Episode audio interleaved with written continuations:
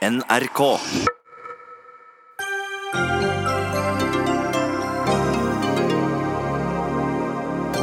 Tøvete og unødvendig, sier Høyre om SVs forslag om opplysningsplikt for statsråder. Denne uka gikk Tor Mikkel Wara fra lobbyjobb til justisministerpost. Ubåtsaken i Danmark får stor mediedekning, men er det egentlig en del av samfunnsoppdraget, eller er det ren underholdning? Og når tusenvis av barn får gratisplass i barnehage, må foreldrene deres stille opp på norskkurs eller andre tiltak, mener Høyre. Nei, det kan gjøre at mange takker nei til tilbudet, svarer også Høyre.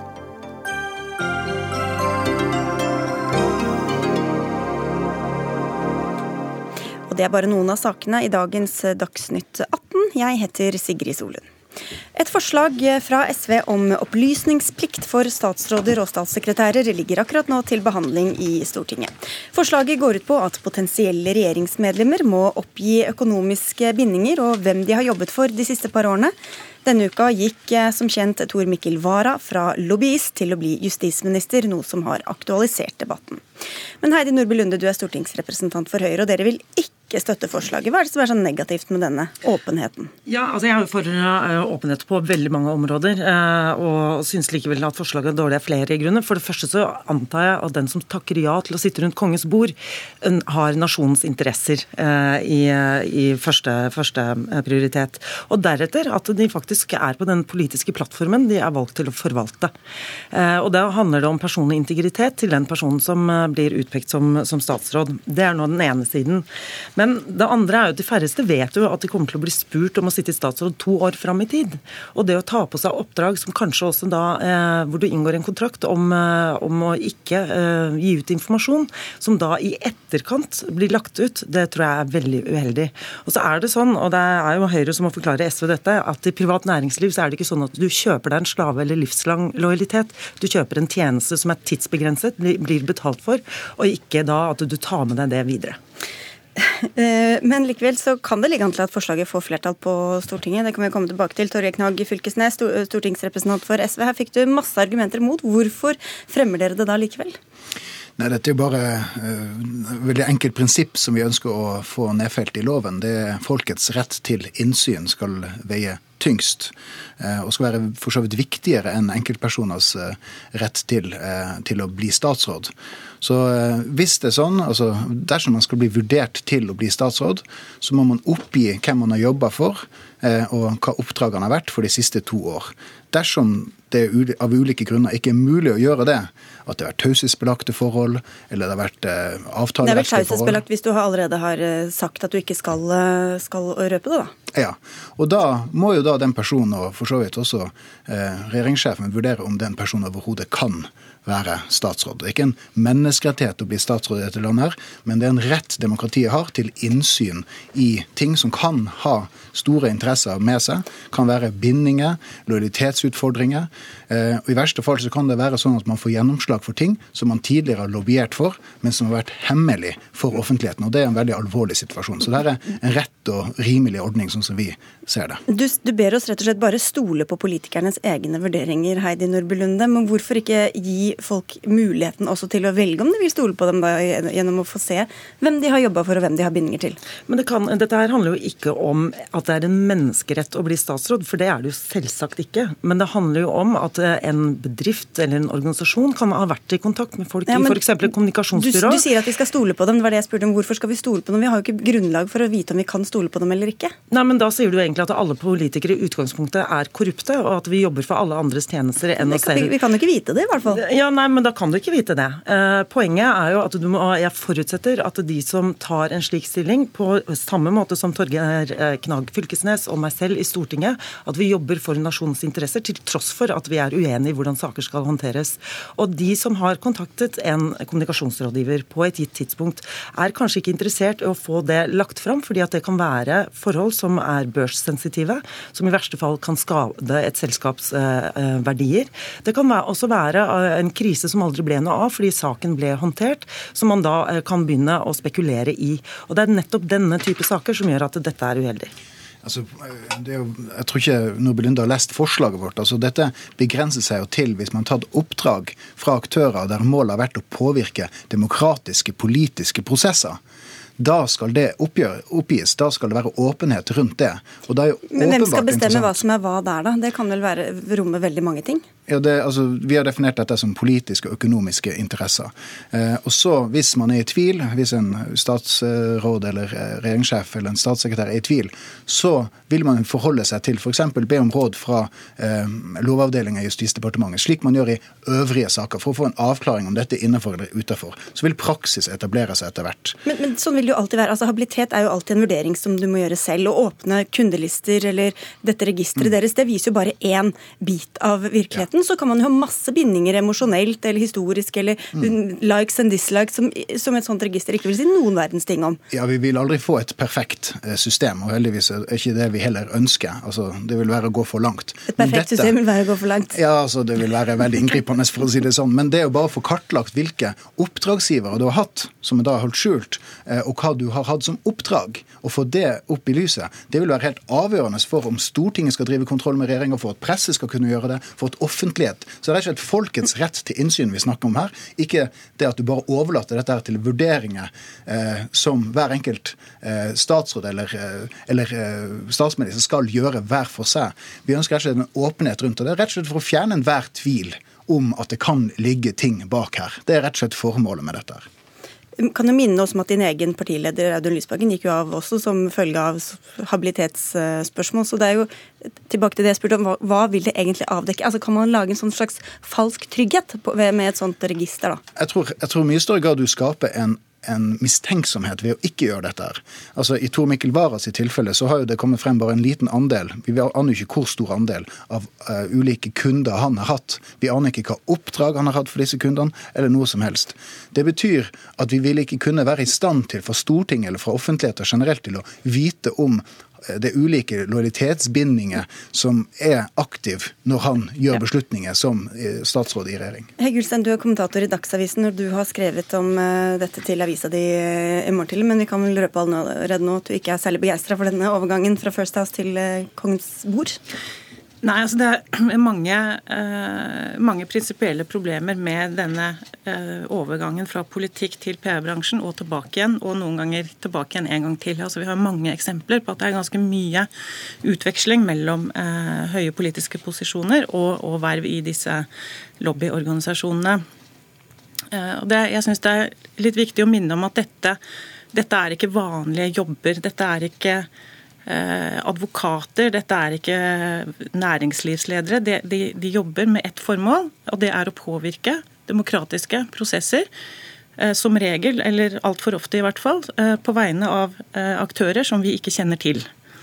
Det er på en måte Det er det, er det skjulte du altså for å påvirke, det gjør jo du også. Altså, det er både det at pengeseddelen begynner å telle mer enn stemmeseddelen i demokratiet når, når, det er betalte interesser som står bak, og så er det det at vi ikke vet hvem de jobber på vegne av. Vi hadde jo F.eks. Eh, ble det jo kjent at Sylvi Listhaug, mens hun satt i sentralstyret til Fremskrittspartiet, jobbet for en kunde eh, som ønsket OL i Oslo, mens partiet hun hadde et tillitsverv i, ønsket det motsatte. Ikke sant? Sånn klassisk eh, interessekonflikt som, som, definitivt hadde vært tjent med at, at det var åpenhet rundt det, sånn at, sånn at, eh, vi i pressen kunne skrive om det, og vi kunne fått en, en diskusjon om det istedenfor at det var hemmelig, sånn som var tilfellet. Og Du var jo også inne på Audun Lysbakken. Eh, vi har eh, Manuela Ramin Osmundsen. Jonas Gahr Støre var også i hardt vær i Sjudi-saken. Alle de tre sakene er eksempler på at Heidi Nordby Lunde dessverre tar feil når, eh, når hun legger til grunn at alle folkevalgte er i stand til å bare sette alle hensyn til side og til enhver tid vurdere sin egen habilitet på korrekt vis. Altså, og, og, I de tilfellene så fikk vi jo vite om det fordi at det ikke var sånne skjult, eller i hvert fall var det mulig å grave det opp da etter hvert? Ja, altså jeg har som grunnholdning at åpenhet og eh, et offentlig ordskifte er av et gode i, i et demokrati. Vi, har, vi, så argumenter mot altså Da vi i pressen krevde at Høyre skulle offentliggjøre sine eh, pengegivere, så var det motstand mot det. Jeg tror alle er enige om i dag at det var bra at det ble åpenhet om det. Eh, da det ble snakk om at stortingsrepresentanter skulle registrere alle sine økonomiske interesser, var det mye eh, motstand mot det. Jeg tror i dag er alle glad for at det skjer. Og, og du sier jo, og Erna Solberg har sagt det, Heidi Nublinde, at åpenhet er jo det beste. Solberg sa at hun skulle ønske at disse kundelistene også var åpne. Så hvorfor ikke da følge det opp i praksis med å vise at vi setter faktisk så stor pris på den åpenheten at vi velger å i disse få stillingene ikke utnevne en som har så skjulte potensielle bindinger, da? Men det kan ikke bare være disse få stillingene. Hvis jeg kommer fra en høy stilling fra Statoil og går inn i politikken, har jeg da eh, bare eh, politikkens interesser i, i, i, hodet, eller har jeg Statoils interesser og oljebransjens interesser i, hodet? Men da vet man jo hvem som har, er oppdragsgiveren din fra før av. Jo, eh, da, eh, men skal jeg hele tiden mistenkeliggjøres for, eh, for, det? Og det dere sier er jo at her har det blitt stilt spørsmål ved f.eks. bindingen mellom Jonas Gahr Støre og Tschudi. Mente man da at Jonas Gahr Støre var inhabil, eller ble det eh, ikke, ikke, møtt. LO sitter i sentralstyret til Arbeiderpartiet. Kan vi forutsette at Arbeiderpartiet har landets ja. interesser i, i, i, Og det mener jeg at Arbeiderpartiet har. Okay, men, men, men du, vi, vi, vi, vil allikevel ikke åpne møtene, sentralstyremøtene til Arbeiderpartiet. Vi skal skippe til siste person her også. Jon Neslos, du er advokat og partner i advokatfirmaet Bing Honneland. Her er det, altså Vi hørte Erna Solberg i Politisk kvarter i dag sammenlignet med advokater, eh, som også har, kan ha hemmelige klienter. Da. Eh, er, det sammenlignet? Ja, til en viss grad er det, jo, er det jo det. Eh, du sier hemmelige klienter. Altså, der er jo utgangspunktet at vi har jo straffesanksjonert taushetsplikt. Også om at et klientforhold eksisterer, hvis ikke det allerede er kjent, eller som det er når du går i retten f.eks., men med, med rådgivningen vår. Eh, nå har jeg sett dette forslaget. Der har man jo gjort unntak. Da. Der sier man at lovbestemt taushetsplikt det går foran den opplysningsplikten dere legger frem. Da. Så det vil jo bety at en justisminister f.eks., det er jo ikke uvanlig, det har vært mange i moderne tid, som kommer fra advokatbransjen. De vil jo da ikke kunne legge fram noe som helst om hvem de har hatt oppdrag for. Heller ikke etter dette forslaget. Man kunne heller ikke lagd et forslag som sa det, for det ville vært i strid med Grunnloven.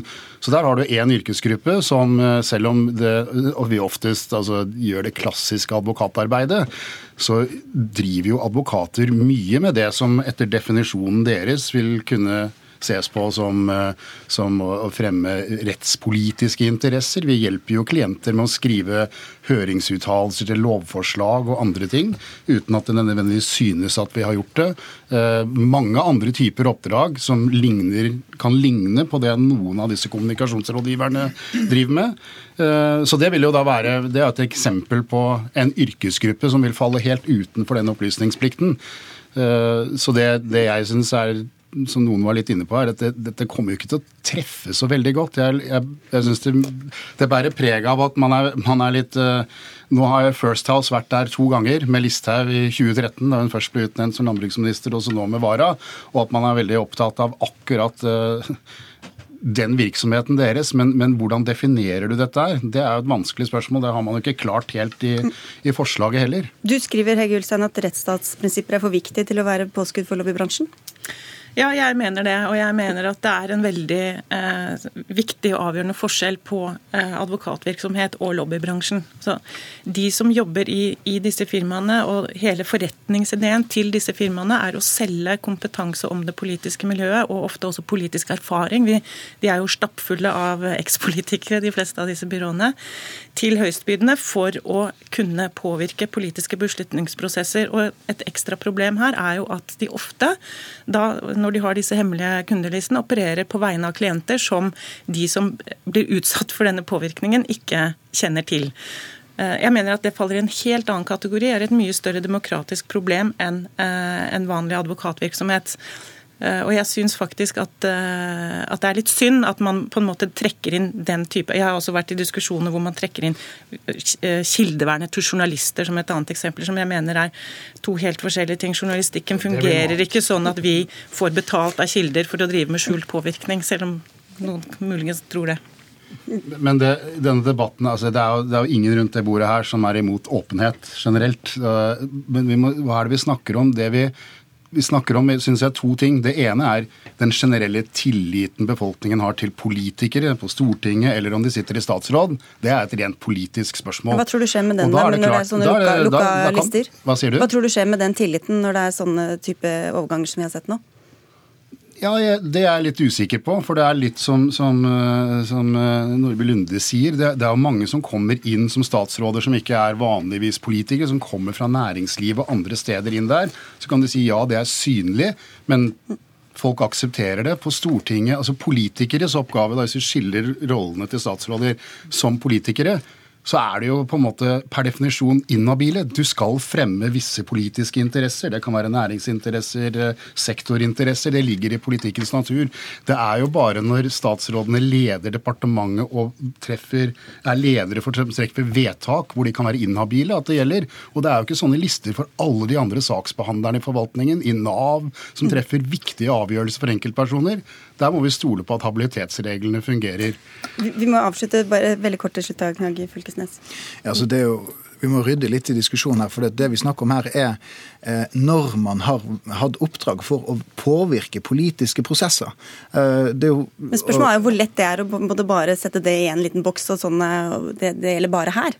Ja, altså det, det, det vil være et premiss for overhodet bli vurdert som eh, statsråd. Og Det er jo det som er det store spørsmålet. her. Hvorfor stilte ikke Erna Solberg krav om at Vara måtte vise åpenhet omkring sine kundeforhold før overhodet vurderte han? Og det svarte hun på i dag morges i Politisk kvarter, så må du gå inn og høre på på NRK radio. Takk skal dere ha, vi må sette strek der. Toril Torgeir Knag Fylkesnes i SV, Heidi Nordby Lunde fra Høyre, Jon Wesselås advokat og Dagsavisens Hege Ulstein. Dagsnytt 18 alle hverdager klokka 18.00 på NRK P2 og NRK2. Røykfrie serveringssteder var en stor seier for Kristelig Folkeparti. Men snart 14 år seinere vil partiet mer. Nå legger de fram et forslag om utvidelse av røykeloven. For nå vil dere også gjøre flere steder utendørs røykfrie. KrF-nestleder Olaug Bollestad, som også leder Stortingets helse- og omsorgskomité. Hvor og hva skal nå bli røykfritt? det første vi ber om, det er jo at regjeringa skal fylle opp en en strategi som har vedtatt. En strategi som ble vedtatt i 2013, som varte til 2016, utvidet i 2017 og nå i 2018. Som går på at vi ønsker å legge til rette for flere arenaer i samfunnet som skal være tobakkfrie. Og vi sier samtidig at vi ønsker å styrke vernet mot passiv røyking. Og, den, og, det er det som ligger i vårt forslag. Ja, men hva, det, hva, og, hvor, og hva skal bli røykfritt? Det betyr at vi ber Stortinget, nei, Stortinget ber regjeringen om nå å utrede og fremme forslag forslag nettopp for å fylle opp det som var tiltakene i den strategien. hvor Flere partier, unntatt Frp, ønsker å være med på Men Gi, gi oss et flere... par eksempler, da. Ja, Det har jo vært noen eksempler i dag hvor Grimstad har tatt et grep og ønsker å foreslå et, et, et, KrF lokalt der, at de ønsker å si velkommen til et røykfri park. Det går an å tenke områder som er viktige fellesarenaer for folk. Og, det, og, vi har ett mål. Det at vi har faktisk vedtatt at vi ønsker å redusere tobakksforbruket med 30% Vi har gjort masse. og da tenker jeg, Men vi er ikke i mål, spesielt med unge.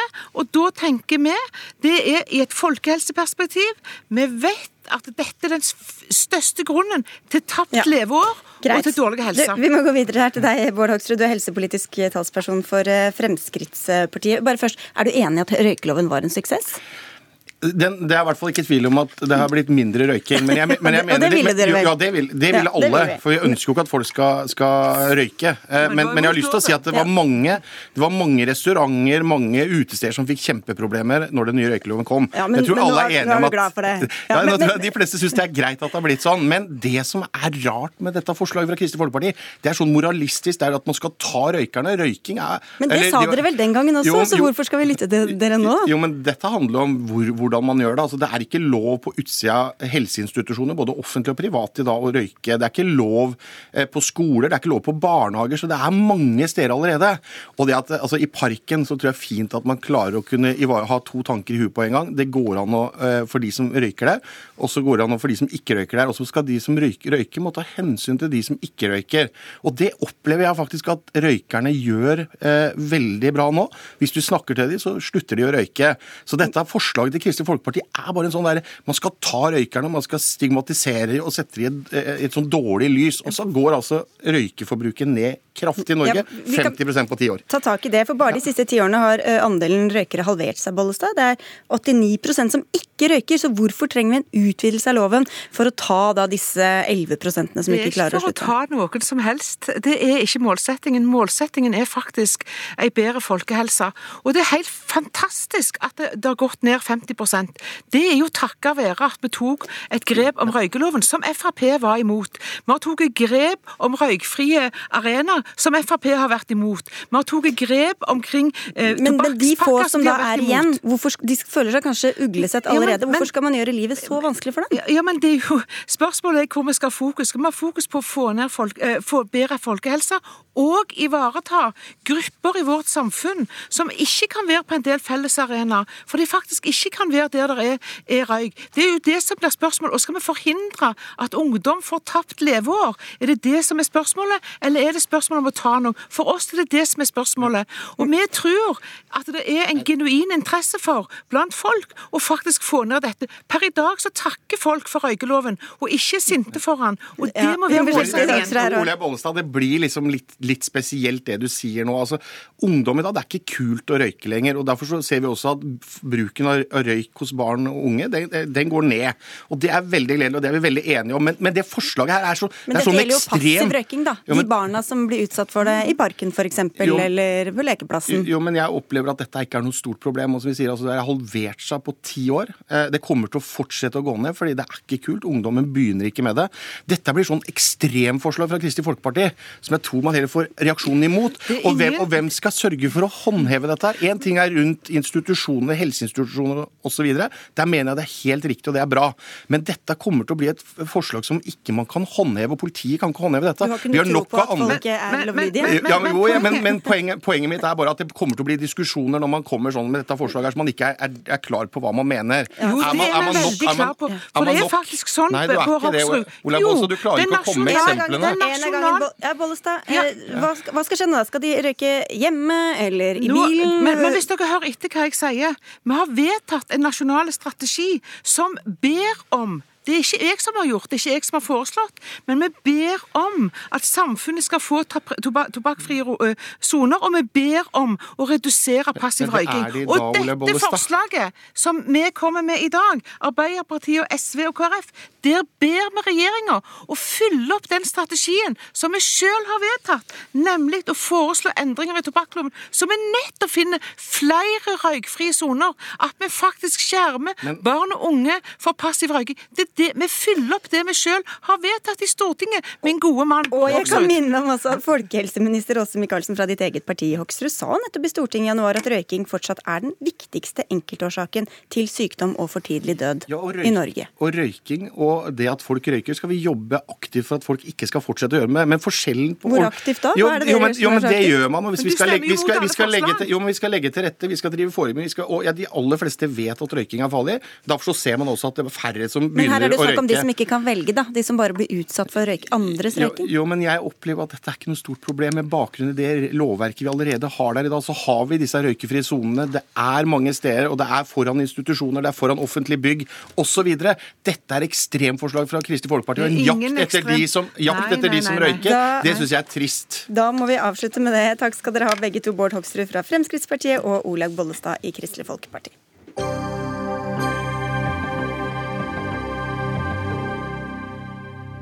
Da skal vi til rettssaken mot den danske oppfinneren Peter Madsen, som får full mediedekning eh, i Norge. Også etterforskninga etter at den svenske journalisten Kim Wall ble funnet død og partert, genererte mange overskrifter, og norske journalister har tatt turen til Danmark i hopetall. Og dette har du skrevet kritisk om i dagens utgave av Aftenposten, Jan Arild Snoen. Du er journalist og kommentator i det konservative tidsskriftet Minerva. Hva er det ved dekninga du ikke liker? Den har ingenting med noe opplysning, opplysende for norsk debatt å gjøre. Den har ikke noe med allmenn, altså TV 2s og NRKs rolle som, eh, som opplysende om ting som er viktig i den allmenne debatten. Dette er ikke viktig i Norge. Dette er ren underholdning. Og jeg vil også tilføye det er grafsing. Det er veldig interessant å, å trekke fram denne saken fordi den er makaber. Det er derfor den kjøres. Så det er både omfanget og måten det dekkes på som du reagerer på? Ja, særlig omfanget, eller at den i det hele tatt kommer på Dagsrevyen. Karianne Solbrekke, nyhets- og aktualitetsdirektør i, i, redaktør i TV 2. Hvorfor fortjener denne saken så mye oppmerksomhet som dere gir den? Den viser seg å ha stor offentlig interesse. Ehm, folk er veldig interessert i å, å, høre og lese om den. Jeg mener jo den klikker inn på de fleste nyhetskriterier.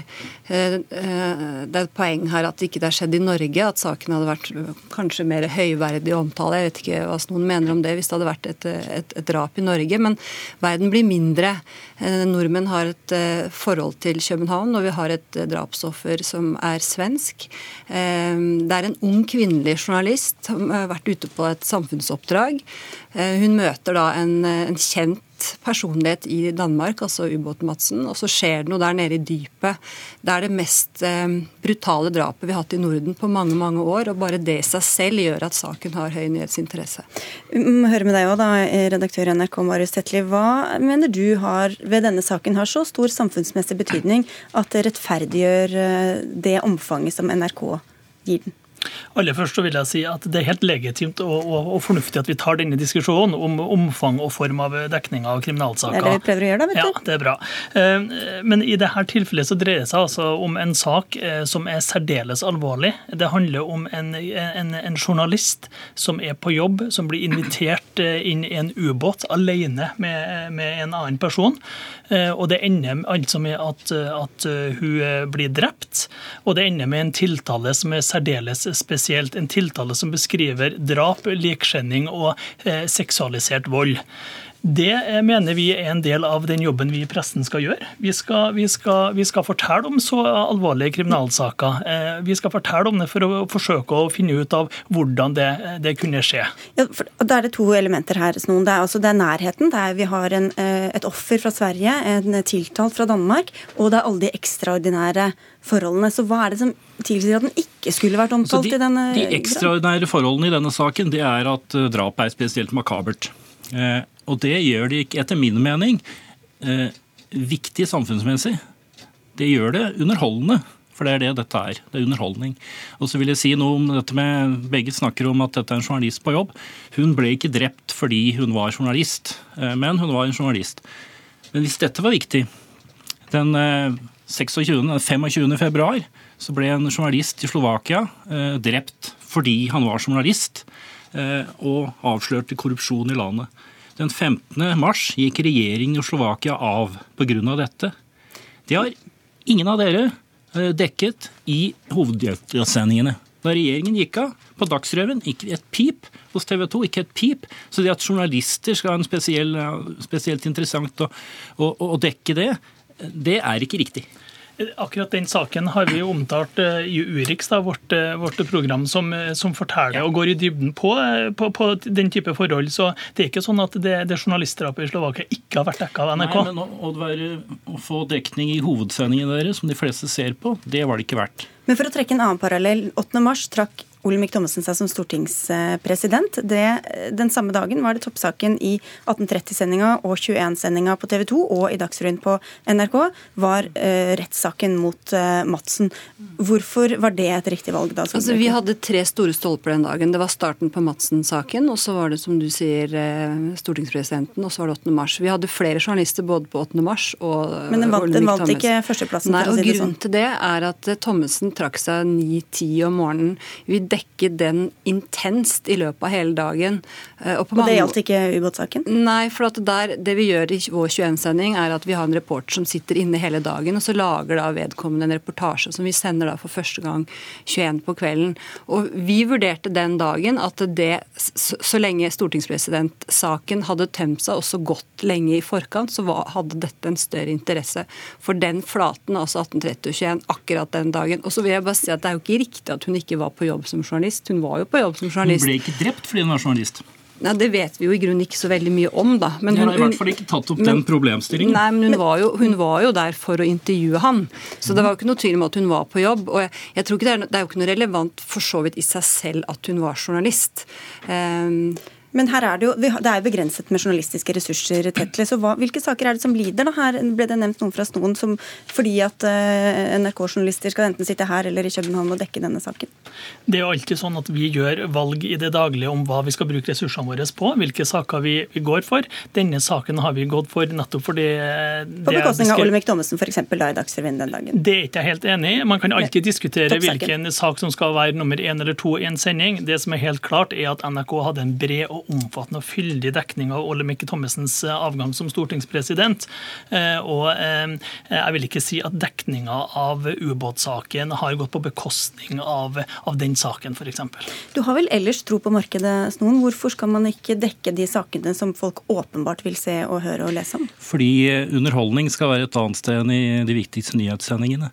Og hvor viktig dette er, og hvor mye nytt som kom fram. Jeg synes det var den andre dagen da NRK dekket dette i Dagsrevyen, den 21.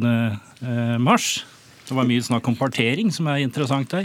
Da spør, da spør Jarle Roem Haakonsen Olav Rønneberg etter to dager vet vi noe mer nå. Og da svarer Olav Rønneberg nei. Altså Det er massiv dekning i to dager uten å lære noe nytt. Ja, Men skal men man ha masse de, journalister her uten å rapportere? På de to dager, nei, det er klart Du fikk rapportert masse om partering og knivstikking i underlivet og, og, og, og sånne ting. Detaljnivå her, og, og, at man må rapportere liksom, om noe hele tiden. Og da blir det kanskje også masse detaljer Tetle, som vi egentlig ikke trenger å vite.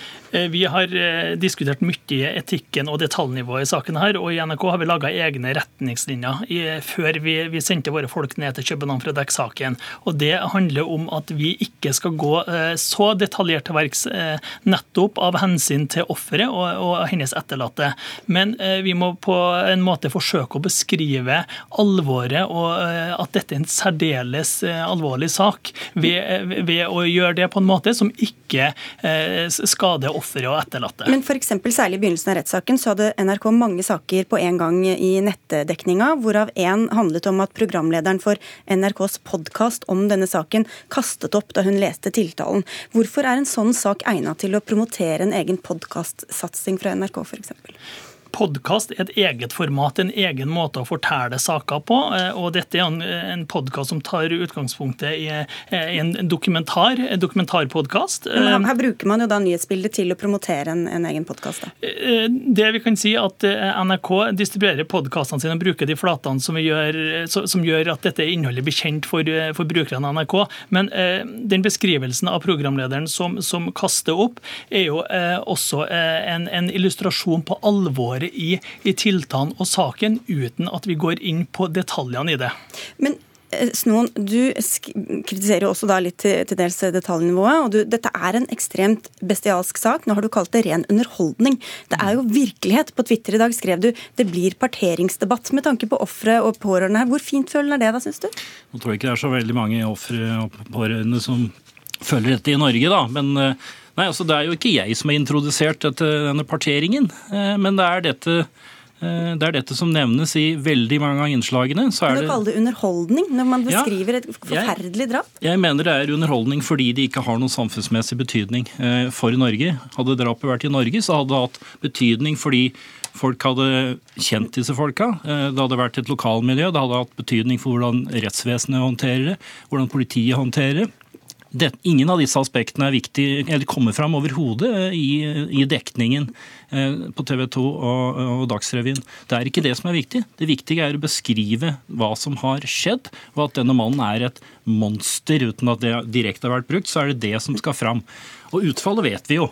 Det er ikke noe spenning rundt utfallet. Jeg, jeg, reagerer faktisk ganske kraftig på at du kaller det underholdningsjournalistikk. For jeg, jeg mener at um, dette, det er en kjempealvorlig sak. Det er en ung kvinne. Hun er ute på jobb som journalist, og så blir hun eh, drept. Og så må man huske på utvikling i saken. Det som skjedde i starten, var jo at, at, hun, at politiet gikk jo ut og opplyste om at det var funnet likdeler forskjellige steder. Og Det var jo ukjent hva som hadde skjedd. Det var jo offentlig informasjon som lokalt politi ville få ut. og Det hadde en, en bred dekning allerede fra start. Så disse detaljene var det jo naturlig å formidle.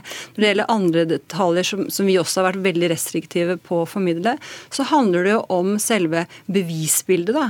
Han sier jo han er uskyldig, og så legger jo da påtalemyndigheten fram dokumentasjon som, som, de mener viser det motsatte. Men, men da jeg spurte deg innledningsvis, så sa du jo også at det, det var noe folk ville høre om. Ja, men det kan du. Altså, vi, vi, får kritikk fordi vi skriver og rapporterer om noe folk vil høre om. Skal, skal liksom kriteriet være at vi, vi, vi, ikke skal rapportere fordi folk vil høre om det? Altså, det går an å ha to tanker i hodet samtidig. Det viser seg at det er en sak folk er interessert i. Og jeg, jeg føler at det nesten blir sånn snobbete. Da. Det er sånn nedvurdering av, det, av denne type krimjournalistikk som en Eh, som underholdningsjournalistikk. og så tenker, altså, ja, hun har kanskje ikke pårørende og folk som hun kjenner i Norge, men det er jo mange som kan relatere seg til den situasjonen. Vi har hatt kjempefokus på henne, hennes familie, hennes omgangskrets og hennes liv. Mm. Vi får bare takke og regne med at dette er en debatt som også pågår eh, rundt omkring i de ganske mange hjem. Takk skal dere ha, alle tre. Jan Arild Snoen fra Minerva, Marius Tetli fra NRK og Karianne Solbrekke fra TV 2.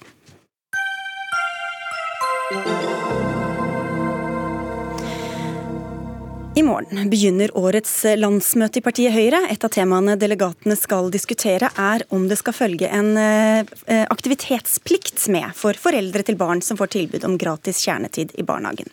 Det vil i så fall gjelde drøyt 18 000 barn i familier med lav inntekt, skriver Aftenposten. Og Forslaget om en sånn prøveordning kommer fra deg, Høyres arbeids- og eh, leder av eh, Høyres Eller fra dere i Høyres arbeids- og inkluderingsutvalg, hvor du er leder, Heidi Nordby Lunde. Velkommen tilbake. Hvorfor vil du knytte et tilbud til barnet til hva foreldrene gjør eller ikke gjør. Mm. Et av mange tiltak som regjeringen har eh, innført for å avhjelpe barn som lever i, i, fattigdom i Norge, er gratis kjernetid i, i, barnehagen. Eh, men det løfter jo verken barna eller familien ut av fattigdom, det er det kun arbeid eh, som gjør. Og da mener vi at, at det å tilby gratis kjernetid også kan føre til å tilby arbeid, aktivitet eller utdanning, slik at du får foreldrene ut i arbeid. F.eks. norskkurs eller andre måter å lære Andre typer kvalifiseringsprogrammer som gjør at de kvalifiserer seg inn i arbeidslivet. Og Vi sier jo gjerne i Norge at du skal gjøre din plikt og kreve din rett. Da mener jeg det er riktig at vi skal kunne stille krav til de som får en rett til gratis kjernetid i barnehagen. Her er altså Høyre ikke helt enig med seg selv. Du advarer mot dette, stortingsrepresentant Mathilde Tybring-Gjedde. Men det er jo sånn at Høyre ivrer for aktivitetsplikt på andre områder, så hvorfor ikke her? Jo, jeg er i likhet med Heidi positiv til aktivitetsplikt eh, på en rekke områder, og jeg mener også at det er riktig vei å gå. Men bare for å påpeke det på en måte der jeg er uenig med Heidi, det er ideen om at ja, man skal gjøre sin plikt og kreve sin rett, men i dette tilfellet så er det barna som har en rett, og det er barna som har et gode. Jeg mener at gratis kjernetid eh, til eh, barna handler om at de skal kunne få muligheten til å delta i det fellesskapet som barnehagen er, ha den språkutviklingen som vi vet at barnehagen kan gi, og det er særlig viktig fra, for barn fra lavinntektsfamilier, som da får gratis kjernetid. Så vi er rett og slett jeg er bare uenig om at dette er ikke en rettighet til foreldrene, det er en rettighet til barnet. Ja, det, og Dette gjelder halvdagsplass for barn mellom tre og uh, fem år, og da vet vi jo hvor viktig det er jo mange, mm, mye snakk om integrering her da, i denne gruppa, og hvor viktig språkutvikling og integrering er i disse årene. Eh, og Kan det ikke da være nettopp de foreldrene som eventuelt takker nei, nettopp deres barn som trenger en sånn barnehageplass? da, Nordby Lunde? Jeg syns for så vidt at det er et godt poeng, men nå har vi ikke barnehageplikt i Norge. Og Høyre har til og med en politikk hvor vi betaler arbeidsføre foreldre for å være hjemme med barna de første årene, årene gjennom kontantstøtte, slik at de har et alternativ til barnehage. Jo, men Hvis så, du ser praktisk på det, så hvis det er de som trenger det aller mest, hvorfor skal du da legge den lista høyere? Det er ikke, Jeg mener at dette her er et tilbud. og jeg synes egentlig Arbeiderpartiets nestleder Hadia Tajik hadde en veldig fin måte å si det på. Hun sier at eh, skal vi stille krav, så skal vi også stille opp. Og jeg mener at her stiller vi opp med eh, gratis kjernetid i barnehagen. Og da har vi også mulighet til å stille krav. Men når eh, dette innvilges, så er det jo også mulighet for saksbehandler hos Nav. Men tilbudet går jo til barna, og ikke Nei, til foreldrene? Tilbudet går til familien. Det er ikke barnet som bestemmer om barna skal gå i barnehagen, det er faktisk familien. Eh, og Da er det også mulighet for, for, Nav å ta hensyn dersom det er spesielle forhold som gjør at, eh, at man skal bortfalle dette kravet. Jeg må jo først si at Det å ha kvalifiseringsprogram og aktivitet for foreldre som ikke er aktive, men har barn eh, i gratis kjernetid i barnehagen, det tror jeg er helt riktig.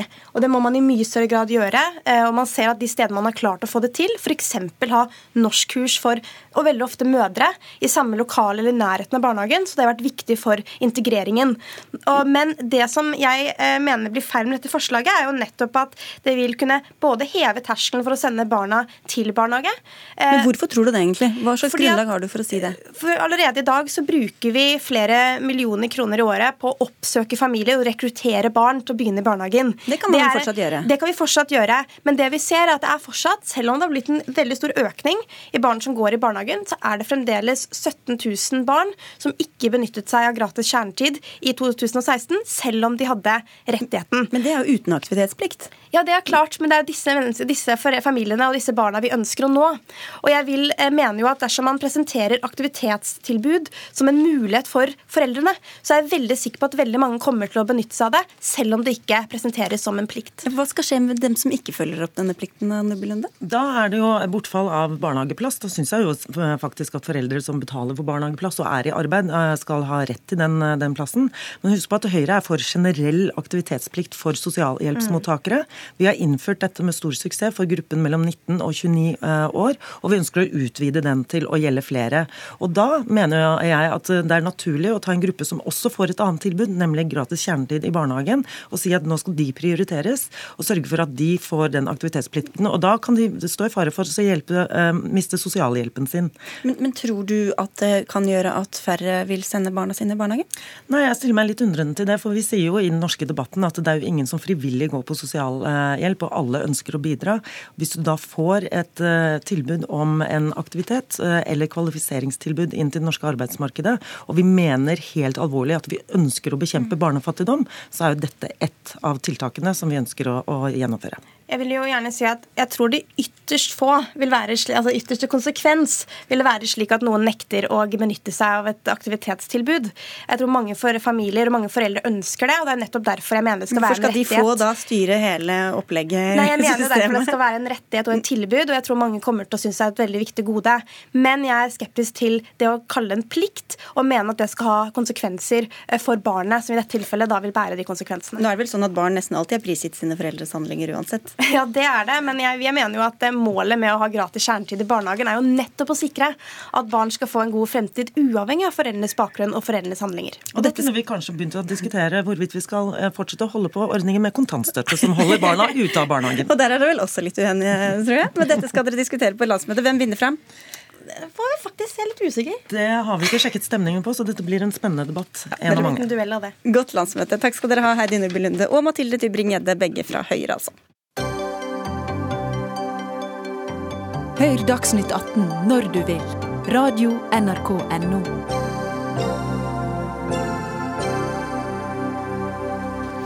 De fleste nordmenn har for dårlig kjennskap til rettssystemet, og det skyldes bl.a. for dårlig formidling fra universitetenes side. Det var ett av budskapene i gårsdagens utgave av programmet Torp, der du var gjest, Anine Kierulf. Du er jurist og fagdirektør ved Norges nasjonale institusjon for menneskerettigheter. Og dette er vel ikke første gang du kritiserer manglende kunnskapsformidling, men har du fått noen mugne reaksjoner fra juristkolleger i dag? Nei, Eh, heldigvis eh, ikke det. Eh, I den grad jeg har fått eh, tilbakemeldinger, eh, om det er fra juristkolleger eller andre, så er det vel at, eh, at mange syns at det hadde vært fint med mer juridisk opplysning. Hvordan, du, du sa at eh, nordmenn generelt, som jeg nevnte innledningsvis, ikke kan nok om, om norsk eh, lov og rett. Hvordan eh, blir vi påvirket i hverdagen av, dersom det er sånn, at disse akademikerne som sitter med eh, kunnskapen, ikke gjør jobben sin og gir oss den informasjonen? Ja, Det er jo veldig mye som påvirkes av lover og regler. Og det er en illusjon, som jeg også var inne på i går, å tenke at vi kan få oversikt over alle de reglene bare fordi om eh, akademikere eller andre jurister blir flinkere til å formidle. Men eh, noen grad av kjennskap til hvordan lover blir til, eh, hva forholdet mellom storting og regjering er. Vi har jo nettopp hatt en slags sånn parlamentarisme minutt for minutt i forlengelsen av forrige statsråds avgang. Det er jo utrolig mange helt grunnleggende spørsmål om vår samfunnsorganisering som vi ikke vet noen ting om. Åpenbart. Og da tenker jeg at det er eh, en forutsetning for at rettsstaten skal anses som legitim. Det er jo nettopp at man har den grunnleggende kunnskapen. Det er vanskelig å fungere som samfunnsborger uten den. Og der tenker jeg at jurister eh, generelt, men, men universitetsjurister spesielt, har et særlig ansvar for å bidra til folkeopplysning, enten ved formidling av egen forskning, eller også ved, ved aktiv deltakelse i den offentlige debatt om spørsmål om juss. Dag Michaelsen, du er professor og dekan ved Det juridiske fakultetet ved Universitetet i Oslo og har revet deg løs for å delta i den offentlige debatten, men det gjør dere tydeligvis for sjelden, skal vi tro, eh, Ulf her? Av og til tenker jeg at vi gjør det ganske ofte, men, eh, men det som er helt klart, og som Anina Kierulf har helt rett i, det er at vi har en forpliktelse. Det er en en plikt for universitetene, for juridiske fakultetene, å delta i den offentlige debatt. Og vi legger også mye ressurser inn i dette. Det er en forpliktelse fra departement, fra universitetet og nedover til den enkelte forsker. Det er å delta Så i en offentlighet. Så alle forskere eh, eller vitenskapelig ansatte har plikt på seg til ja, å de debatten? Ja, de har plikt på seg til å delta i en offentlighet. Men spørsmålet er, hvilken offentlighet? Én ting er den store offentligheten som ligger som Dagsnytt 18 f.eks. er. En annen offentlighet er en fagoffentlighet, hvor mange føler seg mye mer hjemme eh, og deltar i en offentlighet knyttet til sin sektor f.eks. Arbeider innenfor undervisningsområder eller andre områder, hvor man altså da formidler. Den ikke så offentlige offentligheten? Men, nei, og det må man jo Jeg syns at det er viktig å stille spørsmålet på denne måten. Kan vi kreve av alle våre ansatte liksom å kunne gå til Dagsnytt 18 og her snakke om sin forskning eller å delta i store offentlige debatter? Jeg tror at institusjonen eh, absolutt har en plikt på seg til å sørge for at det skjer, men vi kan diskutere om det angår absolutt alle våre ansatte. Og på det punktet kan vi kanskje diskutere om hvor grensene går. Men, men Anine Kierulf har helt rett i at dette er en viktig oppgave for universitet, for fakultet. Så på dette punktet er jeg helt enig. Altså, Dag Michaelsen er jo en, en meget formidlingsvennlig dekan, sånn at eh, alt ligger egentlig til rette for at man får en bedre formidlingskultur på fakultetet. Og det tror jeg er helt avgjørende. For den er for dårlig som den er i dag? Ja, den er, den er altfor dårlig sånn som den er i dag. Og eh, der hvor eh, publisering, forskningspublisering teller, og undervisning teller, så teller jo ikke formidling i det hele tatt. Sånn at det er fullt mulig å komme seg opp og frem i akademia uten å publisere, antageligvis er, nei, uten å, å formidle. Antageligvis er det en fordel å gjøre det, fordi da får man brukt tiden sin på det som teller. Og Det er jo veldig dårlige insentivstrukturer som det må gjøres noe med. Og jeg tenker at det vil alltid være forskjell på hvor gode akademikere er til å forske til å undervise og til å formidle. Så det er ikke sikkert at alle skal formidle hele tiden. Men at langt flere enn de som formidler i dag, skal formidle, og at dette er en plikt som påligger alle, og som må tydeliggjøres at påligger alle. I tillegg så må man jo ha en For én ting er jo å forstå hvorfor man må formidle, men en annen ting er jo å forstå hvordan man skal formidle. Og da tenker jeg at det er helt avgjørende å ha en trening helt fra studietiden, men særlig i forskningsutdannelsen, med hvordan forholder man seg til Dagsnytt 18, til kronikkskrivning, til sosiale medier, mm. til deltakelse i den offentlige debatt med sin kunnskap. Så Hva slags krav og eh, forventninger og også opplæring har dere da til eh, akademikerne for Ja. å delta i den offentlige Ja, For det første så er det eh, veldig riktig det Anine Kjerulf sier, nemlig at det er ulike vekting i universitetssystemet for de tre hovedoppgavene vi har. Studie, forskning og formidling. Eh, Fra staten så får vi mye penger for eh, studie og undervisning, en god del for forskning, men tilnærmet ingenting for formidling. Enda det er en slags forventning til universitetssystemet om at vi skal formidle mye, så er det problemet der at det er ikke noen insentiver av økonomisk art. Men Kan ikke dere legge til rette for det Jo, på universitetet? da? Og det gjør vi.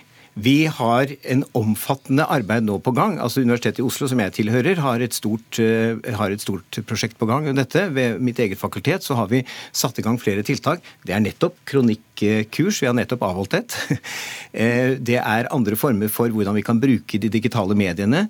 eh, Slik at det er i hvert fall fra de begynner som stipendiater hos oss, så begynner du å få tilbud på disse tingene her. Men jeg er helt enig med Anine Kierulf i at dette er ikke godt nok. Altså Vi bør gjøre mye mer på dette, og vi har eh, planer om å gjøre mye mer. Så økonomiske insentiver og struktur er da et, eh, et element. Men Kjerulf, hvordan kan akademikere som er flinke til å folkeliggjøre stoffet sitt, også bli møtt av kolleger eh, Ja, det er jo selvfølgelig, og det er jo et kulturelt spørsmål eh, som det er viktig å gjøre noe med. og Da tenker jeg det er helt avgjørende å ha gode ledere som er veldig tydelige på at dette er viktig. Fordi, er Hvordan kan man da bli møtt? Eh, Ja, Måten man kan bli møtt på, er jo med jantelov, misunnelse Mm. og til dels også faglig uenighet. At man er eh, Det må jo være lov. Og det er selvfølgelig helt lov. Det som er en utfordring med, med formidling av komplisert forskning, det er jo at det alltid innebærer en form for forenkling. Hvis man sitter og forsker akkurat på de nyansene som blir forenklet bort, så kan det føles eh, urettferdig og dumt. Sunt at eh, forskningsfeltet blir presentert på en annen måte i offentligheten enn det man er innstilt på selv. Så det er jo en, måte, en reell utfordring. Men, men hovedutfordringen ligger i en, en, dårlig kultur for saklig og faglig uenighet. en, en liten liten grad av raushet overfor eh, kollegers fremgang, eh, og en, eh, en for navlebeskuende innstilling til hva det vil si å være akademiker. Og Hvilke signaler har du gitt, og hva har du gjort med eventuelt endre den kulturen eller ukulturen? Ja, jeg har satt ned et formidlingsutvalg, det er det man ofte gjør, ikke sant? For å, hva skjer når man setter ned utvalg? ja, det skjedde noe her i hvert fall da, at, at, det er kommet noe ut av dette. Så det er klart at det gjorde. Jeg, kanskje, jeg vil nok ikke helt slutte meg til Anine Kierulfs litt uh, mørke beskrivelse av dette, for jeg syns nok at det er en god del forskere ved Universitetet i Oslo, som jeg tilhører, da, som er veldig aktive formidlere, som er utrolig gode på å formidle.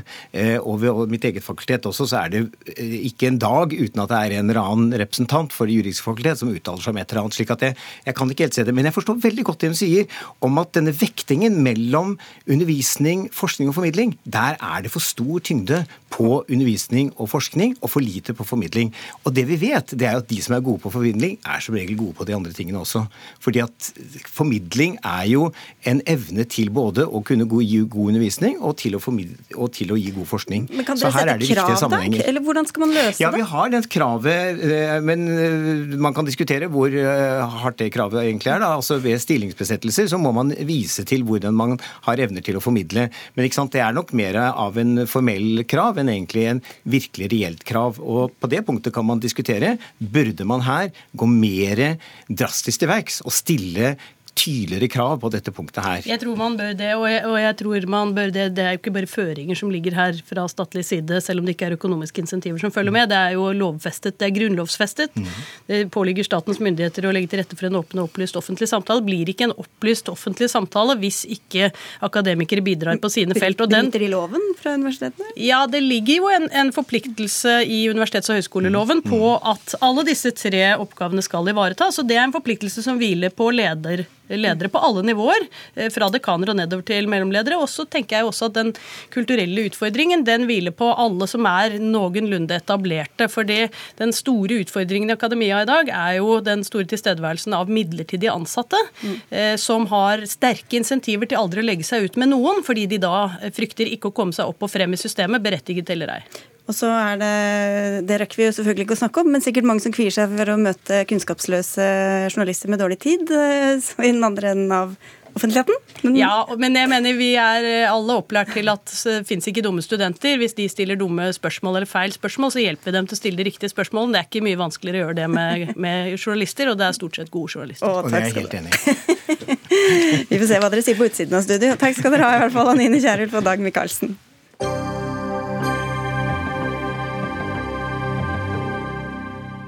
Vårens lønnsoppgjør er i gang, og neste uke er det lærernes tur. Og allerede er det sterk uenighet mellom arbeidsgiverorganisasjonen KS og Utdanningsforbundet om hvorvidt lærerlønnen sakker akterut eller ikke. Steffen Handal, leder i Utdanningsforbundet. Forklar, hvordan har utviklinga vært for lønningene deres? Nei, hvis vi ser på årslønnsveksten for lærerne de siste ti årene, så har den vært 5% dårligere enn andre grupper i kommunal sektor. Og dette har jo skjedd da samtidig med en eh, økende lærermangel og en økende bruk av ukvalifiserte lærere. Det er klart eh, det fremstår som et paradoks for oss som står i skolen og mener vi har verdens viktigste og beste jobb. At man liksom på nasjonalt plan snakker om hvor viktig læreren er. Det er en stor erkjennelse om at vi har en rekrutteringsutfordring. Det er til og med partier på Stortinget som fremmer forslag om rekrutteringspakker, og regjeringen selv er jo opptatt av hvordan vi skal rekruttere disse lærerne. Og da, da, er det ganske rart at vi sakker akterut eh, når det gjelder lønn. Altså Dere har fått en lavere lønnsvekst enn andre i kommunal sektor? Nettopp. Ja. 5 Tor Arne Gangsø, eh, du er direktør for arbeidsliv i eh, KS, men dere er ikke helt enig i disse tallene? Nei, for det, det er jo rett og slett slik at, at Steffen Handal tar faktisk helt feil. For det er ikke riktig at lærerne har dårlig lønnsutvikling enn andre grupper i kommunal sektor. Eh, Handal viser til en tabell i TBU-rapporten som viser Teknisk beregningsutvalg, Teknisk beregningsutvalg, som viser lønnsutvikling over en tiårsperiode. Eh, lærerne blir definert som en egen gruppe sammenlignet med resten av kommunesektoren. Og her er det jo slik at eh, Innenfor gruppa lærere så har det skjedd store endringer. der mange av de som har hatt høy ansiennitet, har gått ut av yrket, og vi har fått inn mange nye. Det gjør jo at gruppa som sådan har hatt en, en lavere lønnsutvikling enn andre deler av kommunal sektor. Men det betyr ikke at en lærer som har jobba i denne tiårsperioden, har hatt lavere lønnsutvikling. Okay. Snarere tvert imot. Ja, så Hva vet vi om det, da? Om lærer, lærerlønningen per eh, års, år med ansiennitet og utdanning, f.eks.? Nei, altså eh, Den forklaringsmodellen som KS prøver seg på her, altså at avgangsmønsteret for lærere gjør at de med høy lønn og lang utdanning og dyre sånn sett, da, at de slutter å erstattes av, eh, av billigere ny arbeidskraft. Det stemmer ikke, for det har ikke vært noen endring i avgangsmønsteret for lærere. Og det er heller ikke sånn at det har vært en stor endring i avgangsmønsteret for resten av de kommunalt ansatte. Men vet du, Kan du si noe om lønningene liksom generelt for den gruppa? Altså de som har så lang ansiennitet, tjener det kontra hvordan de gjorde før osv., eller? Jeg har en oversikten her over den akkumulerte årslønnsveksten her, men dette blir veldig teknisk. Jeg tror eh, folk kan lese seg til dette selv egentlig og finne ut at Men dere vet at det ikke stemmer, det han sier? Vi er 100 sikre på at dette ikke stemmer. Og jeg kan godt dokumentere det.